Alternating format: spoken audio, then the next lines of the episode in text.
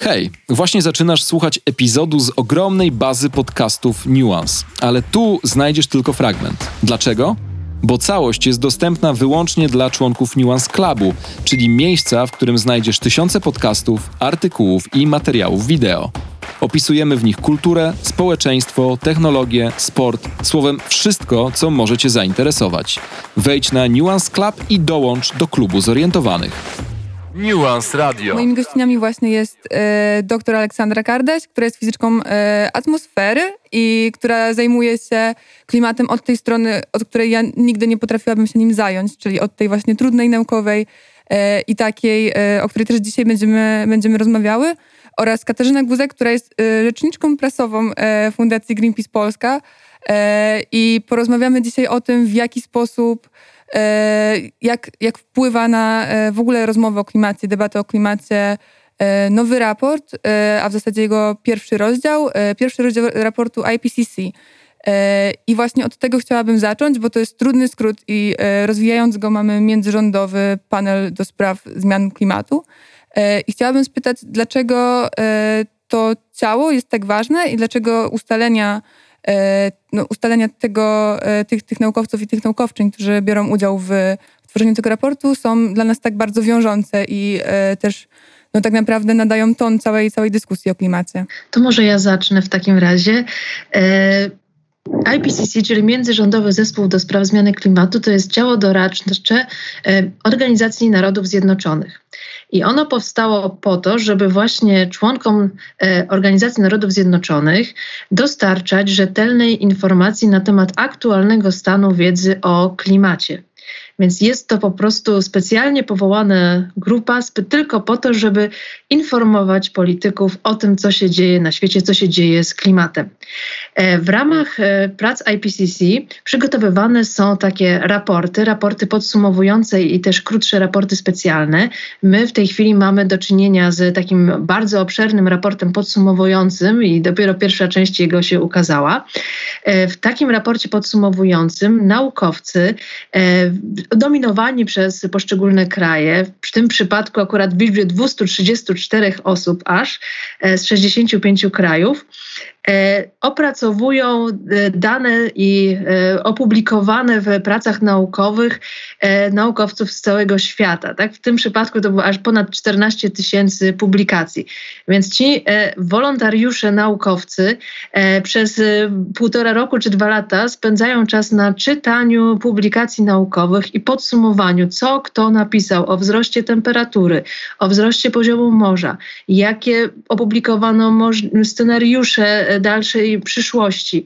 E, I na podstawie tych wszystkich prac z całego świata przygotowują takie podsumowanie, w którym są przedstawione po pierwsze wnioski, po drugie jest przy każdym wniosku napisane, czy w tej kwestii jest duża pewność, czy mała pewność, czy jest dużo prac, czy wszystkie są zgodne, czy może jeszcze trzeba coś e, sprawdzić w tej kwestii.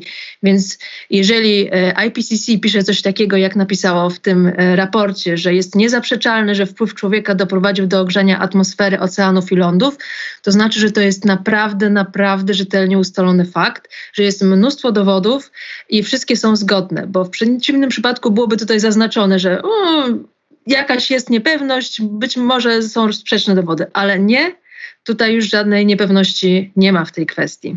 Ten raport tak naprawdę jest aktualizacją, no bo wcześniejsze powstawały i one powstały w takiej samej formie, tak? On po prostu e, teraz zbiera kolejne dowody i kolejne materiały, które i kolejne artykuły naukowe, które są opracowywane. Czyli e, to jest pewna aktualizacja, czy można tak, tak o tym mówić?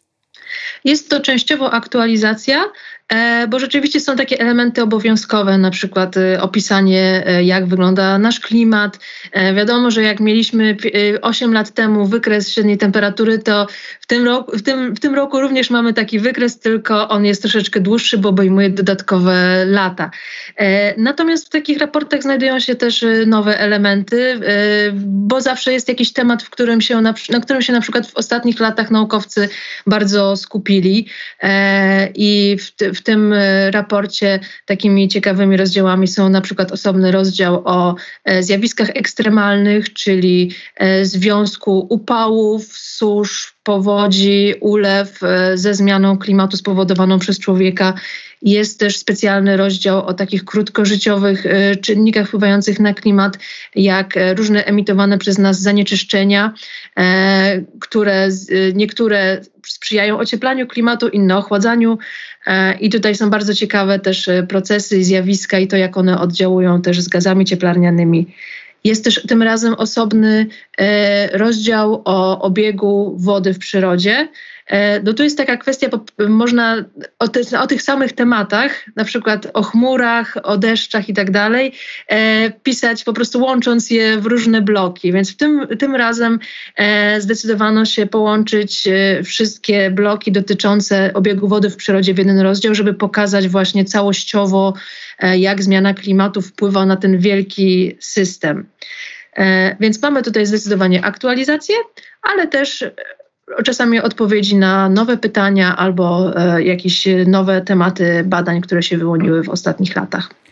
Ja też e, przyznam się, że ja nie przeczytałam całości tego, e, ale oglądałam tą, e, tą konferencję, która jakby towarzyszyła e, opublikowaniu tego raportu i też e, no, czytałam niesamowicie dużo skrótów, ale też takich przetłumaczonych komunikatów. E, I właśnie tutaj chciałam spytać się Kasia o to, bo, bo, bo tak naprawdę twoja praca i, i wasza praca polega na tym, żeby te słowa, które są bardzo ważne i te wnioski, które naukowcy i naukowczynie wyciągają i są oczywiście super ważne, żeby je przetłumaczyć na taki język, żebyśmy e, mogły i mogli je rozumieć i żebym ja mogła opowiadać o tym w Nuance Radio, a niekoniecznie tylko i wyłącznie w e, super wyspecjalizowanych mediach, jak nie wiem, Science czy coś takiego. I chciałam spytać się, w jaki sposób wy to robicie i też co jest ważne przy takim przetłumaczaniu raportów na e, język ludzki, ale też co e, ciebie jako osobę, która już super długo zajmuje się, e, się, się tym tematem, co ciebie najbardziej zaskoczyło w tym, w tym, w tym raporcie, który, który zobaczyliśmy w poniedziałek?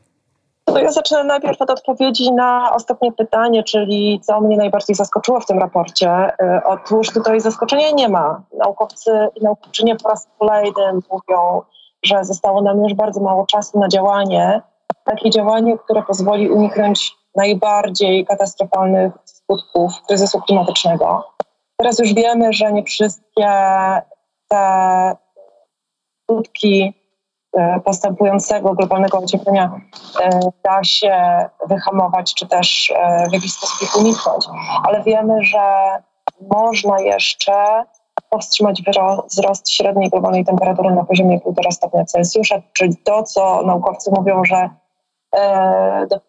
pomoże nam z dużym prawdopodobieństwem uniknąć e, takiej totalnej katastrofy. I e, odpowiedź na to pytanie jest prosta, trochę trudniejsza do wdrożenia na poziomie politycznym, czyli zupełne odejście od spalania paliw kopalnych. Do połowy wieku świat musi osiągnąć neutralność klimatyczną, co oznacza, że w krajach uprzemysłowionych, takich jak Polska, musimy odejść od spalania węgla E, już do 2030 roku, a w kolejnej dekadzie zrezygnować w ogóle ze spalania paliw kopalnych, czyli gazu i ropy. E, I teraz, e, teraz w jaki sposób my się przygotowujemy do tego, żeby mówić o kwestiach klimatycznych, tłumaczyć to, co naukowcy i naukowczyni z IPCC w tym raporcie przygotowali.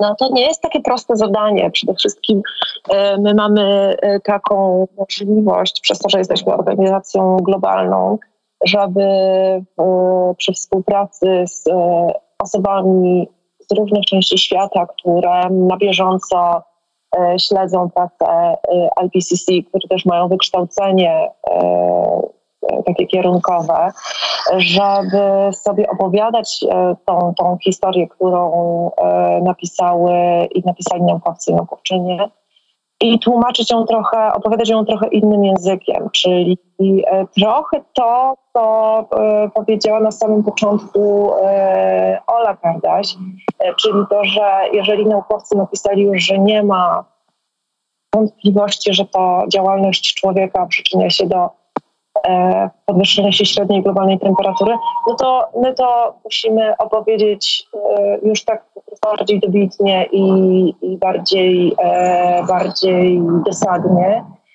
I tak samo jeśli chodzi o takie różne tam szczegóły, tam są różne scenariusze, jak może się zmienić, e, w jaki, w jaki sposób średnia globalna temperatura może się podnieść w zależności od tego, ile e, ton dwutlenku węgla wyemitujemy do atmosfery, no to też naszym zadaniem jest mówienie e, rzeczy bardziej wprost, e, i oczywiście e, nieco innym językiem.